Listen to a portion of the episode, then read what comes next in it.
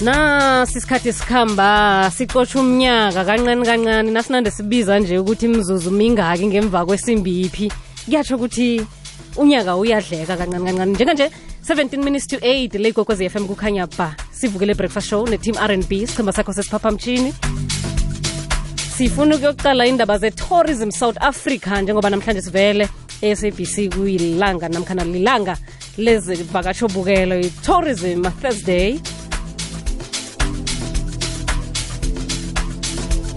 sibhudulana nesithekeli sethu nguzinhle.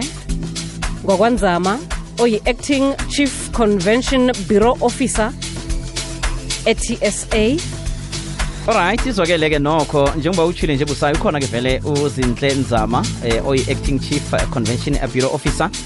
Siqalela indaba ye-meetings africa mnyanya waqobe mnyaka wezevakatshobukela oveza ubuhle be-afrika njengendawo yokuvakatshelwa mnyanya wokusekela ibubulo eh lokukhamba ngezevakatsho e-afrika nokuhlanganisa abantu nengikhulu eziphetheko eziphezulu emabulweni amakhulu wephasi. Khona-ke nje vele uzinhle nzama khe sicoce naye vele-ke ngayo lento le. Lotshani sanibonani ninjani nababuke naba naba nama-listeners akho? Siyaphila njani? Ngikhona ngiyabonga. Thokoza thina akhe siqale-ke ukuthi aqakatheke kangangani-ke ama-meetings africa econtinentini ye-afrika begodu aletha umphumela muphi ophakamisa i-afrika? Ave ebalulekile. I-meetings africa eh mangase ngikhulume ngayo iyi- i- i- uhlelo eyakhiwe i-south africa eyenza ukuthi abantu abeza e-south africa hhayi-ke ngokwezokuvakasha kodwa beza ngemihlangano bakwazi ukuthi bafike bacubungule izinto eziyizingqinamba e-south africa nase-afrika yonkana ukuze kutholakale ama-solutions. Kodwa what that also does ukuthi iletha i- i- i- i- i-economy so it brings more economy e-south africa ngoba uma behlanganyele labantu beza bebaningi bekwazi ukuthi beze la bazocubungula kodwa bashiye nemali e-south africa. Iyezwakala ke siqale-ke kezomnotho-ke sikhuluma nge-economy inomthelela Yes. ongangani? Inomthelela omkhulu ngoba ake ngikwenzele nje i-example. If kuza abantu abawu-6000 ngesikhathi esifanayo beza e-south africa as it's gonna be the case nge-meetings africa ngofebruary labo bantu kuzomele bahlale ehhotela labo bantu kuzomele batransportwe labo bantu kuzomele beze ngezindiza beze e-south africa.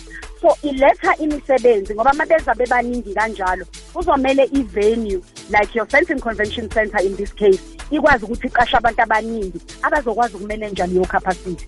So yonke leyo mali bedla emahhotela belala emahhotela ishiya iletha umnotho oza kwi-country but that also contributes to the GDP okay kuyazwakala. Ke siqale-ke ukuthi bahlomula ini-ke eh, abantu nge-meetings africa sikhuluma la ngabathengi abakhangisako nebimithombo yendaba bona-ke bahlomulana kakhulu. So ithi ngibale nje abathengi abobani abathengi? Abathengi abantu abaphuma ezweni lonkana international.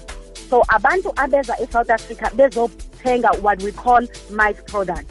These are meetings these are incentives these are conferences as well as exhibitions. So these are all offerings owathola e-south africa. Bayeza bezothenga kuthina so kuba nokuhwebelana. Lapho abantu abazothenga behweba nama-product tourism products ase-south africa. Kodwa kubalulekile ukuthi ngibale ukuthi in the case of Af uh, meetings africa we're not only talking to the continent uh, to, to the country but it actually encompasses the whole continent.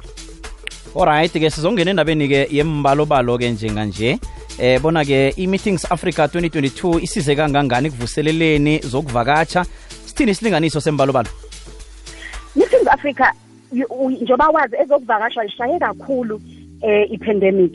So bekumele ukuthi sibuyise uhlelo oluzokwazi ukuthi luncede ama-tourism products ukuthi arecover aqale asebenze.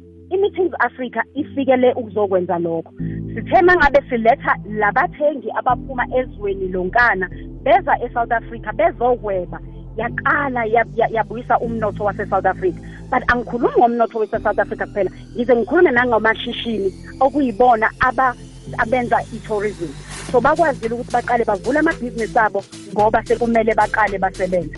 So i-meetings africa 2022 ibile isiqalo sokuthi siqhubeke ngezokukweba ebese ivalwe ipandemic. Alright ke asiqale vele ukuthi eh, i-meeting africa le eh 2023 izokuhluka kangangani kunale yango 2022 eh nokuthi ke abantu abafuna ukukhangisa imikhiqizo yabo eh ukuthi ifakwe ku-meeting africa kufanele benzeni? Yebo. Into esiyenzayo 2023 sishilo sathi besivula ezokuvakasha. Manje ngo-2023 sesithi wozani nizohweba ukuhweba kusho ukuthi asibeni nemihlangano ezoba we calling it a quality connection. Ukuthi wozani sizohlangana sidibane e-meetings africa ukuze niqale manje nidayise kodwa into esiyenzayo ukuthi asigcini ngokudayisa into ebalulekile kumele ngiyibale ukuthi uma ngabe bezothenga nabathengi abathengi ngo-2023 kuphela sibuka neminyaka eminye ezayo. Ungathola ukuthi umuntu uyeza ezothenga ethengela umhlangano oyozuwenzeke ngo-2025 for instance. So kubalulekile ukuthi siyivule le minyango yokuhweba so, so that it generates constant uh, uh, uh, you know financial contribution for i-country eya kwi-GDP then abantu abafisa ukuzohweba nathi and i think in this case ama-south africans sithi kubo abeze bezobhalisa bezokhangisa ngezinhlobonhlobo zama-products tourism products that are related to my e-meetings africa. So siyabacela siyabanxusa ukuthi bangene kwiwebsite yethu meetingsafrica co za bazothola yonke imininingwane ehlangene nokuthi bangarejista kanjani. Izwakele nguzinhle nzama i-acting chief convention bureau officer eh lapha-ke ku-tourism sa sithokozile mani? Ilwazi siphe lona eh sithemba ukuthi abantu bazayikhuthalela. Ngiyathokoza ngiyabonga kakhulu. Aha izwakele. Mlaleli nangabe kuthi hleleli-ke likuphundile lubambesele phakathi ungangena nje kunzinzolwazi yomhasho ikwekwezi fm uthi www ikwekwezi fm co za bese-ke uzokuthola i-podcast yalo ihleleli ulethele i-tourism south africa. Vela emkhanyweni ikwekwezi fm khona